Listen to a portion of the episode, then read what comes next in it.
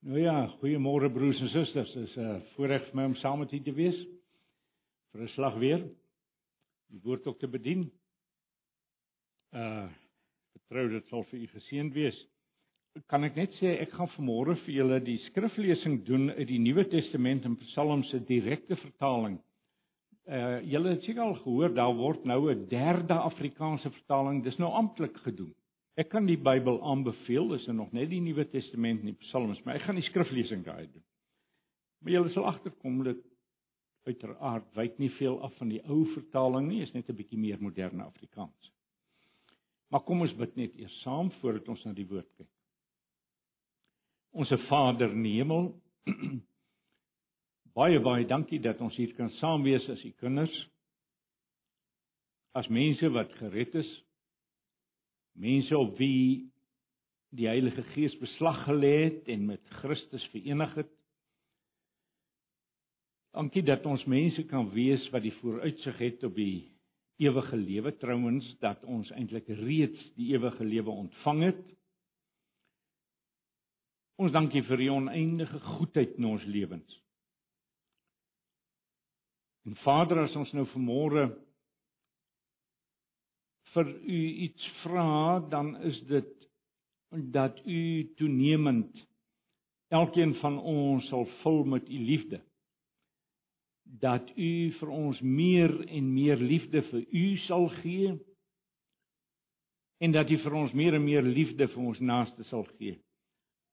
Ons herinner ons dat dit die samevatting is van die 10 gebooie en daarom van u wil vir ons. En as sodanig is dit vir ons 'n kardinaal belangrike opdrag vanuit u woord. Maar Here, die van ons wat al lank al op die pad is, weet dat ons nie self hierdie liefde kan opwerk as dit ware nie. U moet dit in ons gee, u moet dit in ons werk. En dan kan ons liefde so maklik skeef trek En ons wil dus vra dat U ons as individue, maar dan ook as gemeente, korporatief, dat U ons liefde vir U en vir mekaar en vir ons naaste voortdurend weer sal meet aan die maatstawwe van U standaarde. En dat waar daar nodig is om verstellings te kom dat U dit tog in ons bewerkstellig sodat ons meer en meer volgens u wil kan lewe en tot u eer. Mag ons mag hierdie gemeente ook toenemend geken word aan hulle liefde vir u en vir mekaar en vir die mense daar buite. Ag Here ons God. Ons bid dat u ook vanmôre hier in ons midde sal wees. Uh Ons is algeheel afhanklik daarvan en ons is algeheel afhanklik van U. Ons vra dat die Heilige Gees Christus sal verheerlik hier, sal sentraal plaas en ons sal help om die beginsels wat hy vir ons neergelê het ook in sy dood en opstanding om dit toenemend in ons lewens uit te leef en as gemeente te beoefen.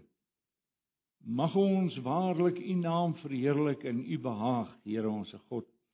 En mag die woord dan vanmôre ons ook aanmoedig om meer en meer volgens hierdie uh voorskrifte van U woord en tot U eer te lewe.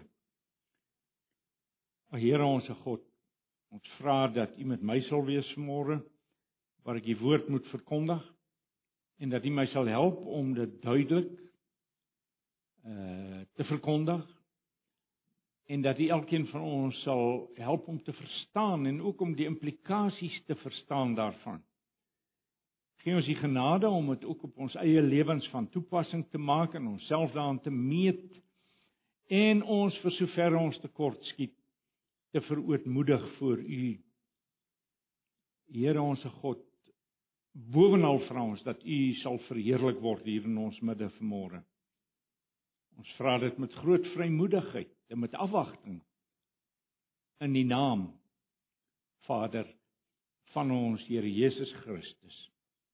En ons dankie dat U Heilige Gees dit waarmaak in ons midde. Amen. Kom ons blaai dus nou in ons Bybels na Markus hoofstuk 15:34 toe vers 34. Nou julle sal weet dat dit vandag herdenk ons die kruisiging en Sondag die opstanding. En uh nou is dit seker gepas dat 'n mens vandag oor die kruisiging sal preek. Nou ek het so 3, 4 jaar gelede, ek kan nie onthou hoe lank terug nie, het ek hier gepreek ook op Goeie Vrydag. En uh toe het ek oor die vierde kruiswoord. Jy sal weet dat die Here Jesus sewe kruiswoorde gehad het, nie waar nie? En uh, toe het ek ook oor die vierde kruiswoord. Die sewe kruiswoorde mag ek julle net herinner. Die eerste een was Vader, vergewe hulle want hulle weet nie wat hulle doen nie. Die tweede kruiswoord was vandag sien jy saam met my in die paradys wees. Dit het hy vir die misdadiger gesê. 'n Stukkie geskiedenis wat vir myself tot onuitputlike troos is. As ek baie daarso diep bewus is van my onwaardigheid en my sondigheid. En dan uh, dink ek aan hierdie man. Mm, daar was nie eintlik heiligmaking in sy lewe nie. Daar was nie tyd om te glo nie. Daar was nie tyd om die Here te dien nie. Hy het op nommer 99.9 het hy tot geloof gekom want heel, as ek dit nie mis het nie, hy het nog vroeër terwyl hy aan die kruis gespijker was, het hy gespot met die Here en in 'n oomblik het die Here God se hart verander en hom nuut gemaak. En uh maar dit nou maar daar gelaat. Vers 3 ag die derde kruiswoord. Vrou, daar's jou seun. Kyk jou moeder. Maria en Johannes word daar aan mekaar vasgemaak. Die vierde kruiswoord waarna ons môre gaan kyk is Eloi Eloi lama sabachthani wat vertaal kan word natuurlik my God my God waarom het u my verlaat Dis die dieptepunt uh van die kruis. Uh die Here Jesus is hier verlate van God. Die vyfde kruiswoord is ek het dors. Uh let op dat die eerste 3 uh bedes is hy besig met die mense om hom. Vergewe hulle. Jy sal vandag saam met my in die kruis wees, vrou, daar's jou seun. Besig met die mense om hom, maar dan soos dit tipies is van iemand wat sterf, uh wat as dit ware omdraai op sy bed met sy gesig na die muur toe, begin die Here Jesus dan besig raak met sy Vader. Eloi, Eloi lama sabachthani. My God, my God, waarom het U my verlaat? Dieptepunt van sy smarte hier om van God verlate te wees nadat hulle in die millennia, in die eeue, in die hoe sou mens sê, van ewigheid af in die mees intieme verhouding was, is hy vir die eerste maal van sy Vader verlate. Die vyfde kruiswoord ek het dors. Uh en hy hy sê dit in die eerste instansie vir sy Vader. Sesde kruiswoord, dit is volbring, die bekende Griekse woord tetelestai waar ek nou net iets meer sal sê. En dan sewende, Vader, in u hande gee ek my gees oor. Die eerste helfte van hierdie kruiswoord, die eerste 3 was uh in die eerste helfte van sy kruisiging dan ook hy's uh 9 voormiddag, 9 uur in die oggend gekruisig of in die Bybel word daar gesê in die 3de uur, dit was maar hulle manier van tydaanduiding. En uh tot en met die 6de uur, 3 uur tot en met 12 uur het hy daar gehang en dan word dit donker en dan gaan hy gaan hy die die laaste 3 uur binne in die donkerte en in 'n uh, eh, verskriklike lyding uh die uh vierde kruiswoord natuurlik Eloi Eloi lama sabachthani en so dan deur uiteindelik tot die 9de uur as hy sterf 6 uur in die kruis wat nie besonder lank was nie moet ek sê. Dit was bekend destyds dat mense soms tot 24 uur aan die kruis gehang het voordat hulle gesterf het. Was sekerlik 'n uitsondering maar die punt is die intensiteit van sy lyding aan die kruis op hierdie stadium. Onthou Hoeveel Christene was daar al? 'n Miljoen, 100 miljoen. Ons weet nie, ons weet nie selfs nog meer dalk. En hulle sonde skuld is op hom gelaai in hierdie oomblikke. So sy lyding, daar's nie woorde om dit uit te druk nie. Daar is geen woorde om dit uit te druk nie. Ons het nie die vaagste benul waar dit reg gegaan het in daardie tyd nie. Hoe dit ook al sê, ons gaan vanmôre meer aandag gee aan Eloi, Eloi lama sabachthani. My God, my God, waarom het U my verlaat? Nou kom ons lees dan nou Matteus Kom ons lees van vers uh, 33 af. Toe die 6de uur aanbreek, het dit oor hele aarde donker geword tot die 9de uur toe. Op die 9de uur het Jesus met 'n harde stem uitgeroep: "Eloi, Eloi, lema sabachthani." Wat as dit vertaal word beteken: "My God, my God, waarom het U my verlaat?" Sommige van die omstanders dit hoor sê hulle, "Kyk, hy roep Elia." Iemand het gehardloop 'n spons met suur wyn deurweek dit op 'n riet gesit en vir hom gehou om te drink met die woorde wag dat ons sien of Elia kom om hom af te haal. Jesus het met 'n harde stem uitgeroep en geroep en sy asem uitgeblaas. Met ander woorde hierdie laaste uh, paar kruiswoorde het kort na mekaar gekom net voordat hy gesterf het. Die voorhangsel van die tempel is in twee geskeur van bo tot onder. En toe die centurio, dis maar die hoofman oor uh, oor 100 wat reg oorkant hom gestaan het om sy asem so sien uitblaas sê hy waarlik hierdie man was die seun van God. Daar was ook vroue wat op afstand gekyk het onder wie Maria Magdalena, Maria die ma van die jong Jakobus en Joses en Salome. En dis die vroue wat hom toe in Galilea was gevolg en bedien het. Baie ander vroue wat saam met hom na Jerusalem gegaan het, was ook daar. Kom ons lees net so ver. Nou ja, ek het nou herhaaldelik vanmôre gesê ons gaan kyk na El, uh, vers 34 Eloi Eloi lema sabachthani. Uh maar laas keer toe ek hieroor gepreek het hierso uh het ek meer eksegeties op die woorde ingesak en so meer. Ek het meer die skrif as sodanig soos dit daar staan uitgelê. Vanmôre gaan ek nou verder. Ek weet julle onthou nie die preek nie. Maar maar ek sê maar net vanmôre gaan ek nou voor verder en ek gaan 'n bietjie meer aandag gee aan die toepassing op die implikasies daarvan en uh met ander woorde ek gaan nie so seer die teks uitlê nie. Julle sal my verdra wat dit betref, maar onthou ek het dit laas gedoen. En dis nou nie my skuld as jy vergeet het nie. In elk geval uh so ek gaan nie so seer lees uh, ek gaan ek gaan nie so seer eksegeties spreek nie as ek dit so kan uit ek gaan meer leerstellig en die praktiese uitvloeisels uh hiervan gaan ek na kyk en na die implikasies. En ek gaan net 'n klompie stellings maak en dan gaan ek dit bietjie bespreek en uh ek voel so 'n bietjie skuldig dat ek nou nie vreeslik by teks gaan insak nie, maar julle sal onthou nou dis eintlik die tweede helfte van die vorige preek. Hoe dit ook al sê, in die Here Jesus se benoudheidskreet hier sien ons die verskriklikheid van sonde. Dis die eerste stelling wat ek maak. Uh hy's van God verlate. Totaal van God verlate. Nou, kom ons vra die vraag en ons dink 'n bietjie daaroor. Was daar ooit soveel haat saamgetrek op een plek soos op Golgotha? Soveel haat sê ek. Ons praat net daaroor. Waar sien 'n mens die mense weersin in God meer as hier? Die skepsel vermoor sy skepper. Dis ondenkbaar, maar dis wat hier gebeur. Goed, miskien verstaan die mense dit nou nie eintlik so nie, maar dis wat gebeur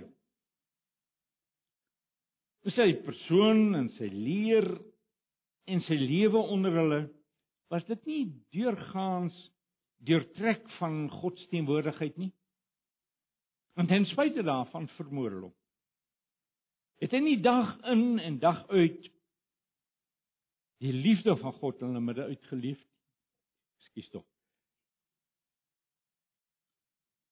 Het hy nie oor en oor op allerlei wyse vir hulle gesê wie hy is en wie hy verteenwoordig nie.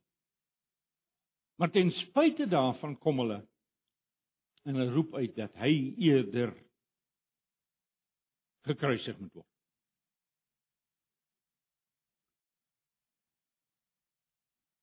Maar hulle kies Barabbas, soos julle nou weet. Hy was 'n tronkvoël, hy was 'n misdadiger, maar hulle kies hom eerder. En in die proses dompel hulle hulle nageslag in geweldige ellende. Ek kan nie sê dit is waar nie, ek weet nie, maar as ek soms na die huidige Israel kyk en ek sien hoe hulle verag word daar in die Midde-Ooste. Hoe Jode waar ook al kom in die wêreld altyd maar een kant is. In een kant gehou word. Dan wel daar in my op aan die een kant bewondering vir hierdie mense. Daar was nog nooit 'n volk wat soveel eeue as volk bly bestaan het nie. Ten spyte van oneindig baie vervolging en haat en hulle bly net die Jode wat my daarop dui dat die hand van God op hulle rus. Maar terselfdertyd wil ek sê en dan sluit ek nou aan by wat ek net nou gesê het. Is daar is daar ooit 'n volk wat so verag en so gehaat is deur die eeue soos hierdie mense? Kyk net maar daar in die Midde-Ooste hoe word hulle gehaat. Dit is asof die die moslems daar geen rus of dierte het voor hulle hierdie klein groepie mense nie uitgewerk het en vermoor het en doodgemaak het nie. En tog bly hulle oorleef. Merkwaardige volk die Jode. Maar soos ek sê, ek wil nou nie oor die eskatologie praat, oor die eindtye en die einddinge nie en uh, die Jode van vandag en so meer nie. Maar ek sukkel om nie so daaroor te dink as ek net bloot kyk as ek die koerante lees en so meer. Hoe dit ook al sê, hulle kies dan vir Barabbas. Hulle in hulle waansinnige haat en in hulle woede wil niks met hierdie Jesus te doen hê nie. Sonder twyfel, ek sê ek sê daar is 'n uh, uh, verskriklike sonde hier teenwoordig. In die tweede instansie sien ons die haat van die duiwel hier. Die duiwel se haat is hier aktief aan die werk. En hierdie vierde kruiswoord is vir hom die mooiste woorde wat hy ooit gehoor het, is dit nie so nie? Hy destyds toe die mens verlei het in die paradys het hy gedink wel dit was 'n 'n triomf by uitnemendheid. En uh dit sou die einde van God se heerskappy wees. Uh maar hy het mettertyd agtergekom dat God dat 'n mens God nie so maklik, so maklik verslaan nie. Ja, trouens dat hy onverslaanbaar is, as ek die woord kan gebruik. Maar hierso, terwyl hy sy hande selfvoldaan vryf, dink hy by homself waarskynlik, ek kan my indink, hy dink by homself wel dis die einde. Dis die einde. Dis 'n triomf vir my. En dan natuurlik in die derde plek is daar 'n haat daar wat ons glad nie kan begryp nie. 'n Haat veel erger as die van die Jode en die Romeine en so meer, veel erger as die van die duiwel. Ek praat van God se haat. God se haat nie vir die man wat gekruisig word nie, maar vir die sonde. Julle dink as die Here God bereid was om sy seun so te laat martel, uh so te laat kruisig. Hoe haat het hy vir menslike sonde? En so vasbeslote was hy dat geen sonde ongestraf sal bly nie. Ja, sy enige geliefde seun moet hier plaasvervangend instaan vir die uitverkorenes is 'n geweldige gedagte, gaan pyns bietjie daaroor. Uh, want daar is geen ander manier om hierdie uitverkorenes te red nie. Sy seun self moet dit dra, daar's geen mens wat dit kan dra nie. So as hy die uitverkorenes wil red, die mensheid wil red, die mensheid in die uitverkorenes wil red, die enigste moontlikheid is dat sy seun self hierdie prys moet kom betaal. En wat meer is, geen sonde skuld sal bloot maar geïgnoreer word nie. Sal bloot maar onder die mat ingevee word nie. Elke kriesel daarvan sal gestraf word. En is goed en reg as ek en jy onthou dat elke sonde wat ek pleeg of dit 'n sonde van gedagte is, of dit 'n sonde van daad is, of dit 'n sonde van motief is, maak nie saak nie.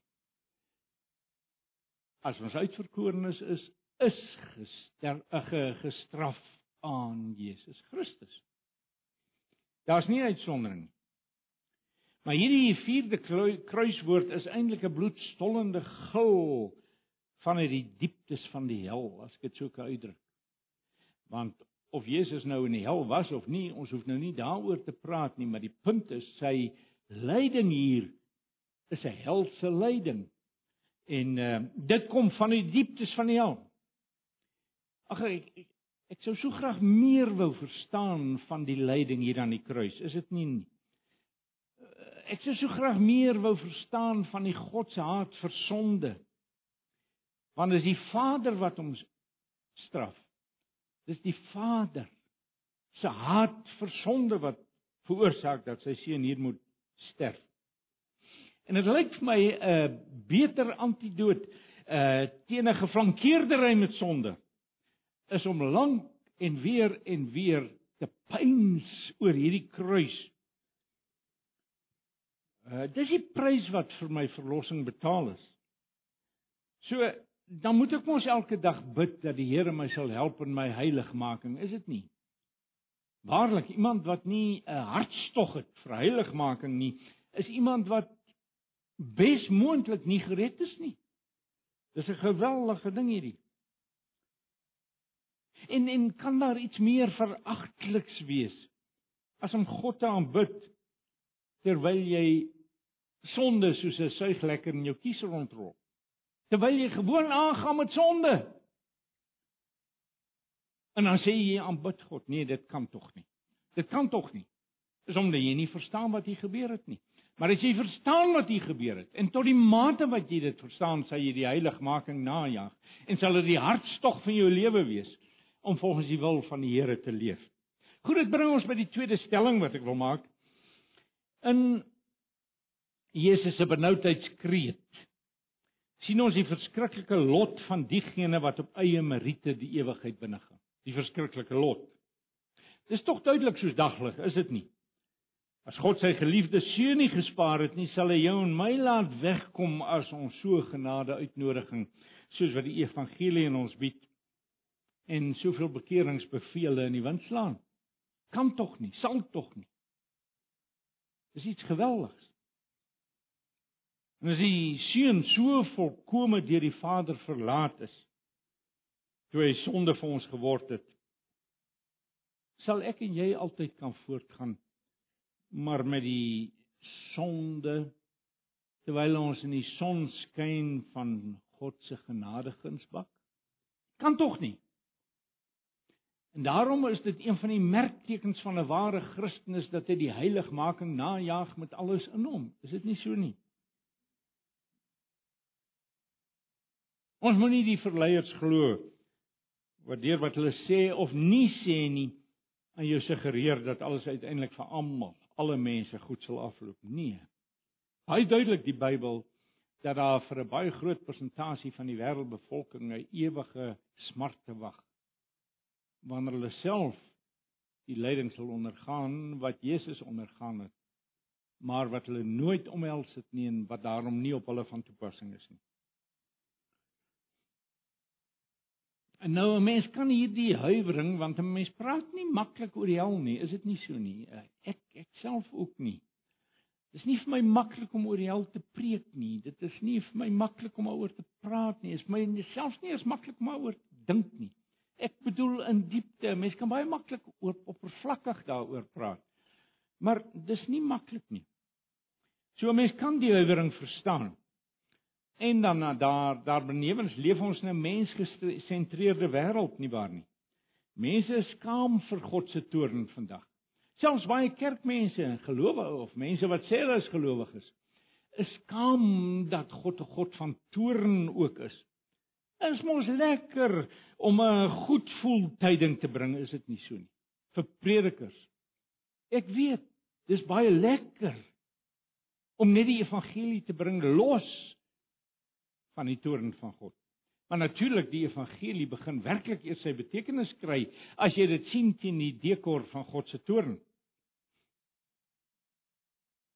Maar weet julle daar was niemand in die Bybel wat so ernstig en so dikwels ge waarsku het teen die realiteit van die hel as die Here Jesus self nie. In wie beter geweet is hy? Nee, daar's maar een manier om gered te word van dit wat ek en jy verdien. Dis om bekleed te word met die geregtigheid van Jesus Christus en dit gebeur deur die geloof en hierdie geloof is lewensveranderend. Ek wil dit baie sterk beklemtoon. Ons kan eenvoudig nie daarvan wegkom nie. En dit kom net tot uitdrukking as ek my volle volle vertroue stel in die in die genade van God en die verdienste van Jesus Christus in my plek. Broers en susters, bring my by die derde punt. In die Here Jesus se benoudheidskreet, my God, my God, waarom het U my verlaat? Hoor ons 'n onontkombare roeping tot dankbaarheid en gehoorsaamheid. Hoe meer 'n mens daaroor pyns, hoe meer jy daaroor dink, hoe meer dit deel word van jou oortuigings, hoe dieper raak jou dankbaarheid. En dankbaarheid is die sleutel tot 'n heilige lewe.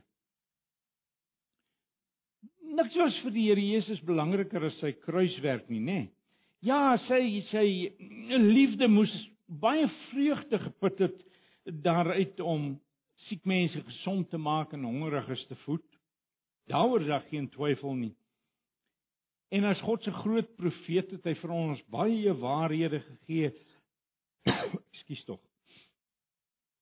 Maar in die eerste instansie het hy as verlosser gekom. As iemand wat gekom het om gekruisig te word. In die eerste instansie, daar is tog duidelikheid in die skrif daaroor. Hy het gekom om ewige en volmaakte verlossing vir kom ons sê maar der miljoene, hoe sal ons weet hoeveel der miljoene te bewerkstellig? En dit kon net aan die kruis gebeur. Hy het gelewe om te kom sterf. Ten diepste. Ag julle weet dit so goed soos ek. Broers en susters, ek maak nie vanmôre daarop aanspraak dat ek vir julle iets nuuts sê nie. Maar dit is goed dat 'n mens maar weer en weer aan hierdie dinge herinner word, is dit nie so nie? Dit om om voor te berei het myself ook weer opgeskerp vir hierdie dinge. maar as Jesus se versoeningsdood sy allererns was en die dieptepunt van sy kruisiging hierdie vierde kruiswoord was hoe danig moet ons erns dan nie wees om die implikasies daarvan te omhels nie is dit nie so nie en uit te leef nie hoe hemelskreiend selfgesentreer is dit om fluit fluit verby dit te huppel. Sommige so by die kruis verby dit te huppel. Maar 'n skande is dit om 'n kruis om jou nek te dra terwyl jy nie die kruis dra nie. Hierdie kruis. En dit is wat Jesus hier in sy 6ste kruiswoord woord uitroep. Al die sonde skuld van diegene vir wie hy hier plaasvervangend ly, is afbetaal. Is afbetaal. Dit is volbring. Uh ek het net nou gesê dis die woord, die Griekse woord tetelestai, dis 'n volgende uh kruiswoord. Maar dit is baie interessante woord hierdie. Dis 'n woord wat gekom het uit die handelswêreld uit. Kyk dat dit so gewerk. Ek weet ek het dit al hier verduidelik, so maar miskien is hier een of twee van julle wat dit nie weet nie. Dit het so gewerk as jy nou iets op skuld gekoop het. En jy gaan aan die einde van die maand, ek praat maar meer in ons taal vandag, gaan die einde van die maand om jou skuld te betaal, dan het jy nou 'n staat gekry van die winkelier om te sê jy soveel verskuldig aan hom.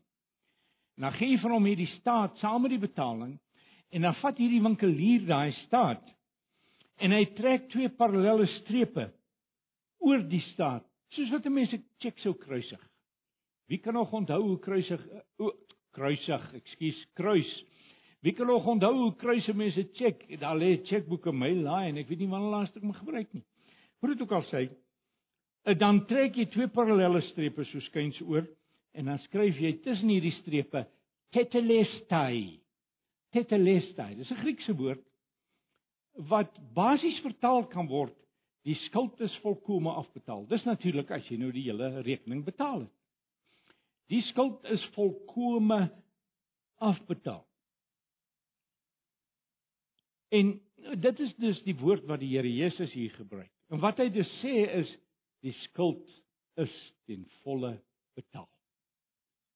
En dit beteken daar is niks uitstaande nie. As jy dus vanmôre een van daardie mense is in wie se plek Jesus Christus gekruisig is, kom dit hierop neer, jy het geen skuld in God se boeke. Laat ek dadelik sê, hierdie is 'n objektiewe waarheid. Dit is nie 'n subjektiewe waarheid. Dit is nie iets wat ons beleef as sodanig nie. Maar dis iets wat die Bybel vir ons beloof en dit is waar in uh God se hemel, as ek dit so kan uitdruk, dat daar by my naam staan die rekening is ten volle betaal. En dit beteken daar sal nooit weer skuld wees nie. Dit beteken dat jy vandag die status in God se boeke het, luister hierna, van 'n man. Die voorwaarde is natuurlik dat jy in Christus is. Dat jy een van die mense is vir wie hy daar gesterf het maar jy die status van 'n man of 'n vrou of 'n kind wat nooit gesondig het nie. Want jy het nie skuld nie. Meer nog. Jy die status van iemand wat die wet van God volmaak onderhou het. Let op dis die twee, die negatiewe en die positiewe kant van die saak. Negatief, jy het nooit gesondig nie. Positief, jy het die wet volmaak onderhou. Dit is dan jou status in God se boeke. Dis 'n geweldige waarheid. Is iets wat ons net nie geloof kan vat, hoor. Ons beleef dit nie so nie, want dit is nie 'n subjektiewe waarheid nie. Dis 'n objektiewe waarheid. Ons kan dit net weet omdat die Here God dit vir ons sê in sy woord. Maar as jy in Christus is, dan is dit jou status vandag in God se boeke. En is daar nie 'n 'n jota of 'n titel wat in jou gehou kan word as jy voor die Here God moet verskyn nie. Is dit nie voorbarig om dit so te stel nie? Wel, dis wat die Bybel leer. Dis wat die Bybel ons leer. En ek sukkel net so daarmee soos jy. Baie dae is ek so diep bewus van my sonde dat dat ek geneig is om te vergeet van die woord tetelestai. En kan ek net kreun voor die Here omdat ek so misluk het in sy naam deur die stof gesleep het maar dan bring hierdie woord tetelestai vir my onbeskryflike dankbaarheid en vreugde. Sê ag Here, maar help my. As aangesien dit my status is, help my om so te leef. Laat ek tog leef volgens wat ek is in u boeke. En dis die roeping tot heiligmaking in die skrif. Want daar is 'n duidelike roeping nie waar nie dat ons heilig sal lewe. Trouwens die Bybel sê as jy nie die heiligmaking najag nie, sal jy nie die koninkryk ingaan nie. Dis baie duidelik. Maar dit beteken nie dat heiligmaking die voorwaarde is as sodanig nie. Wat is heiligmaking? Heiligmaking is die noodwendige uitvloeisel van 'n lewe wat gered is. So as dan nie heiligmaking is nie, dan is die implikasie jy's nooit geregverdig nie. Verstaan nie die verskil? Ek jaag nie die heiligmaking na sodat ek gered kan word nie. Sodat ek genoeg meriete kan bymekaar maak om gered te word nie. Nee, nee, nee, nee. Ek jaag die heiligmaking na omdat die Here God my gered het en ek 'n hartstog het vir sy eer en om hom te behaag en te gehoorsaam. En as dit afwesig is, is want dit word ook in my gewerk. Uiteindelik kry die Here God alle eer, alle eer vir alle heiligmaking in my lewe. Alle eer vir alles in my lewe wat getuig van redding. Ek hoop jy verstaan wat ek probeer sê. Dis nie die voorwaarde nie. Dis die gevolg van redding, heiligmaking. Maar as dit afwesig is, beteken dit redding is nooit daar nie. nie gebeur nie. Ek bluf myself. So broer en suster, vra jouself af, is daar heiligmaking in jou lewe? Kyk, dit kom nie oornag nie. Jy het nie elke dag 'n nuwe bewussyn van nuwe stukke heiligmaking in jou lewe. Gister, hey, gister het ek 'n 7 myl tree vooruit gegee. Dis nie 'n mens se bewusheid. Maar as jy soms 10 jaar terugkyk in jou lewe of 20 jaar terug in jou lewe, hang af hoe lank jy 'n Christen is. Ek en Sonja praat soms hier oor ons is nou hoe lank Sonja in die 40 jaar, dit gaan al vir 50 jaar wat ons getroud is. En dan onthou ons daardie eerste jare na ons tot bekering gekom. Ja ja, ons was in die brand, moenie foute maak nie. Maar daar was daar wat ons so kwaad was vir mekaar dat ons nie eers naby mekaar in die dorp geloop het nie. Sy het die kant van die straat geloop en ek daai kant. En vanaand getuig ons weer. En ek wil nou nie breek nie Sonja, maar ek dink nie dit gebeur meer te dikwels nie. Ons loop saam. En ons dank die Here dikwels mekaar. So, nou, wat wil ek vir julle sê? Ek wil nie vir julle sê hoe heilig is ek vandag nie, maar ek wil vir julle sê dat as 'n mens oor jou lewe dink in Christus, dan raak jy tog bewus daar was vordering. Daar was vordering.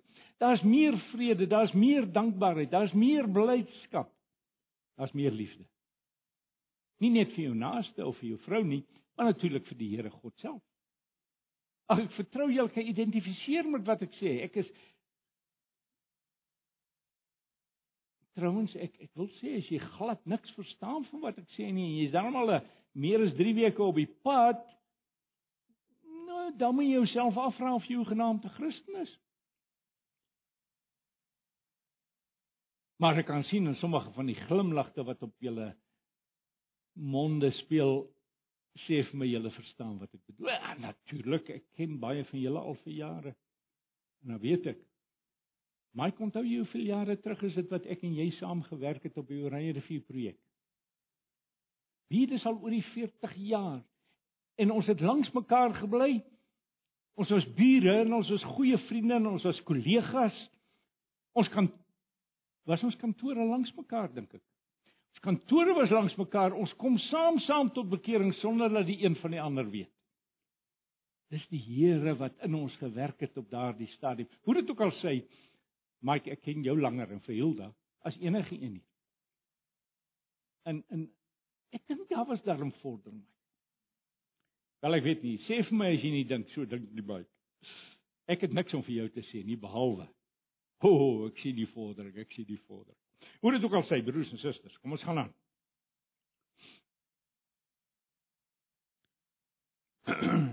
nou wat die een is dit nou? Ja. Christus was verlate sodat ons wat met hom verenig is nooit weer in die absolute sin verlate hoef te wees nie. Nooit weer in die absolute sin verlate hoef te wees nie. Tot 'n minder of meer dramatiek kan elkeen van ons ken ons dit eensaamheid en verwerping. Ons ken dit, eensaamheid en verwerping. En dit is veral in sulke tye dat 'n mens stewig in die geloof aan hierdie waarheid moet vashou dat ek nie van God verlate is nie. Die grondoorsaak en rede daarvoor sit in hierdie vierde kruiswoord.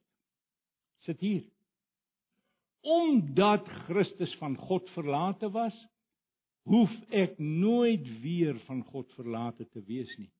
Al voel ek so, dis een van die groot lesse wat ons as Christene moet leer. Is dit nie so nie dat ek nie op my gevoelens moet staat maak nie. Maar dat ek moet bou op die uitsprake van die woord om te sê dit is vas al voel ek ook hoe elendig.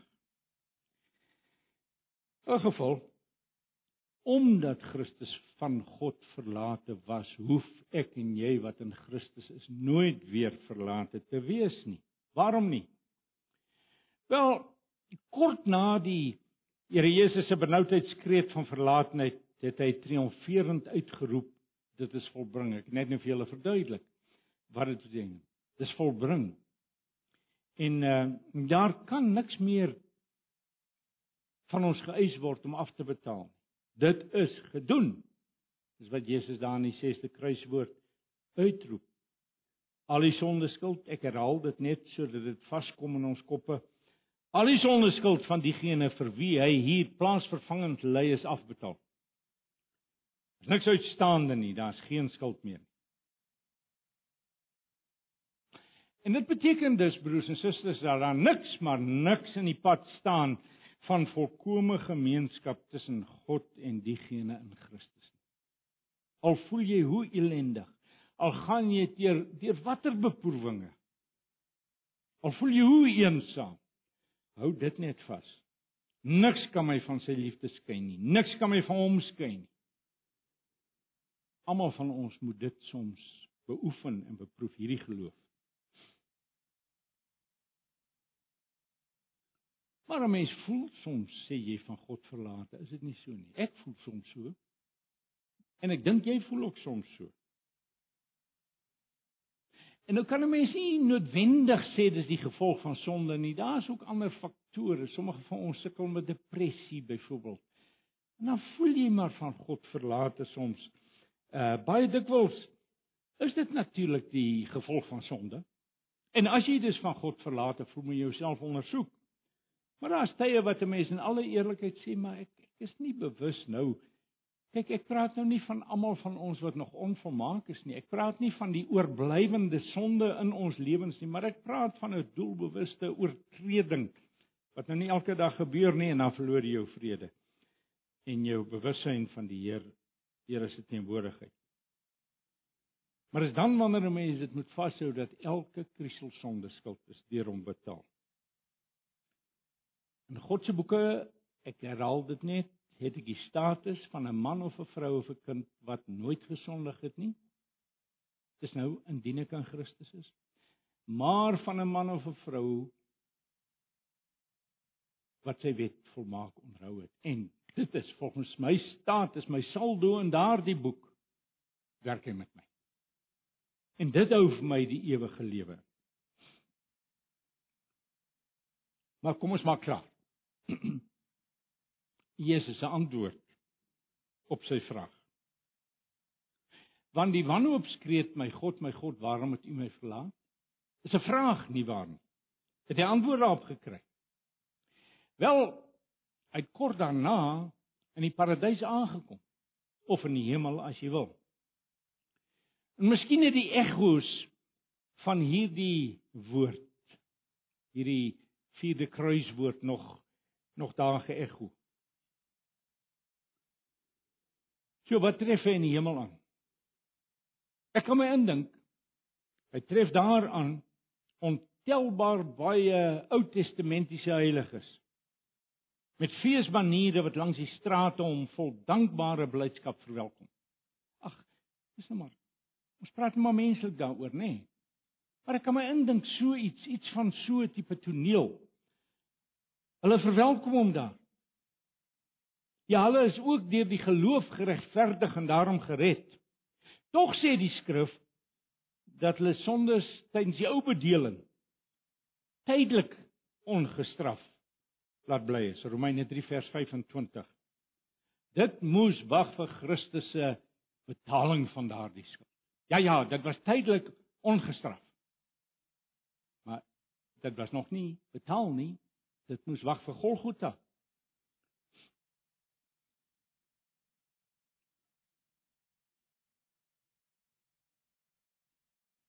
en om ook hulle verlossing eens en vir altyd tot afronding te bring dat hy kom sterf. En was hy van God verlate. En dink soms so daaroor dat die volk van die Here kom vanuit die paradys. Ek mag net sê ek het nie skrifgronde as sodanig daarvoor nie, maar ek sal nie vermoede uh, of ek het iets van 'n vermoede dat Adam en Eva dalk gered is.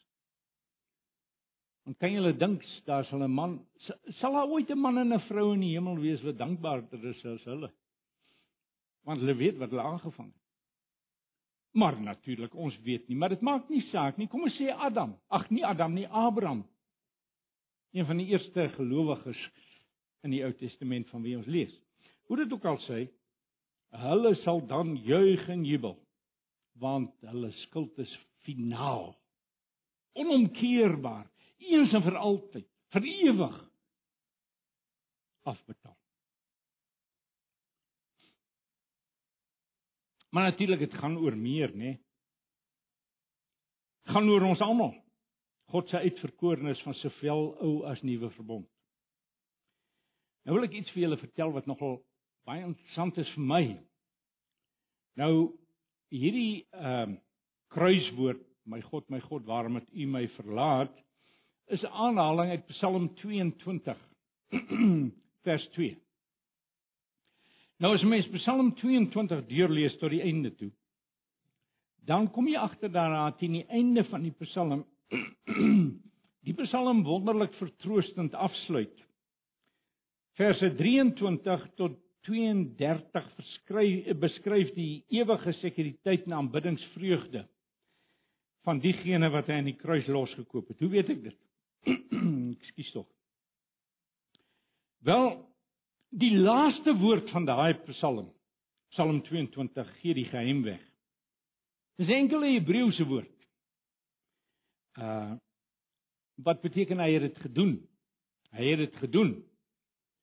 Nou die Septuaginta is 'n Griekse vertaling van die Ou Testament wat so 'n eeu of 2 voor Christus voor Christus gemaak is. Uh 'n Griekse vertaling. Met ander woorde ook die psalms is in Grieks vertaal toe Jesus hier op aarde geleef het, was dit in Grieks vertaal. En weet julle wat hierdie woord in die Grieks is? Die laaste woord van die Psalm. Tetelestai. is dit nie wonderlik nie? is nie wonderlik hierdie uh, Psalm waarin hierdie kruiswoord, die vierde kruiswoord letterlik staan aan die einde, die laaste woord daar in die Septuaginta, die Griekse vertaling. Tetelestai. Hy die prys volkome betaal. En dan is daar nog mense wat vir my sê die Ou Testament het nie geweet van Jesus nie. God het geweet van Jesus. God het die geskiedenis geken en hy het die detail daarvan geken en hy het geweet dat die seun van die begin af die opdrag gehad het om as verzoening vir ons sonde te kom sterf. Dit lees hy. Dit is volbring.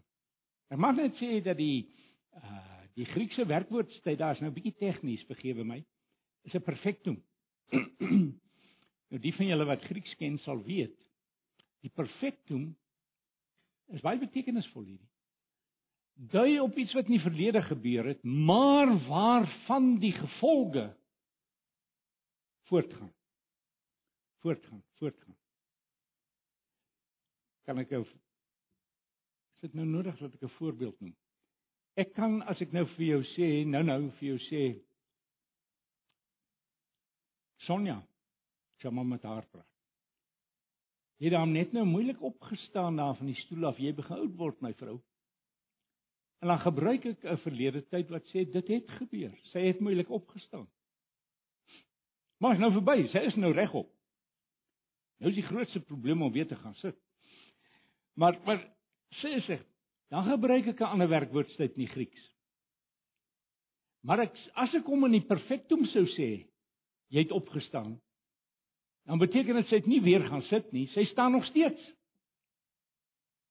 Hoor julle die verskil? Ag, is net om vir julle hierdie woord tetelestai te beskryf. Ek het ek het geweldig vreugde in hierdie woord. Dit is volbring. Dit is volbring en is vermoere nog steeds volbring. As jy dus my broer en my suster As jy dus in Christus is vanmôre, dan geld dit van jou.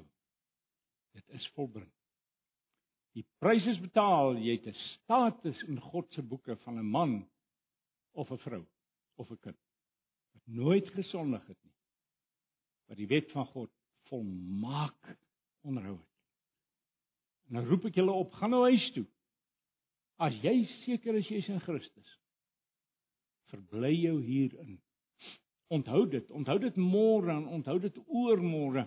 Veral as jy nie vrymoedigheid het jy ook soms die probleem dat as 'n mens begin bid in die oggend of in die aand wanneer ook al uh, dat jy nie 'n goeie dag gehad het of 'n goeie gister nie. En dan dan dan het jy nie heeltemal vrymoedigheid voor die Here nie.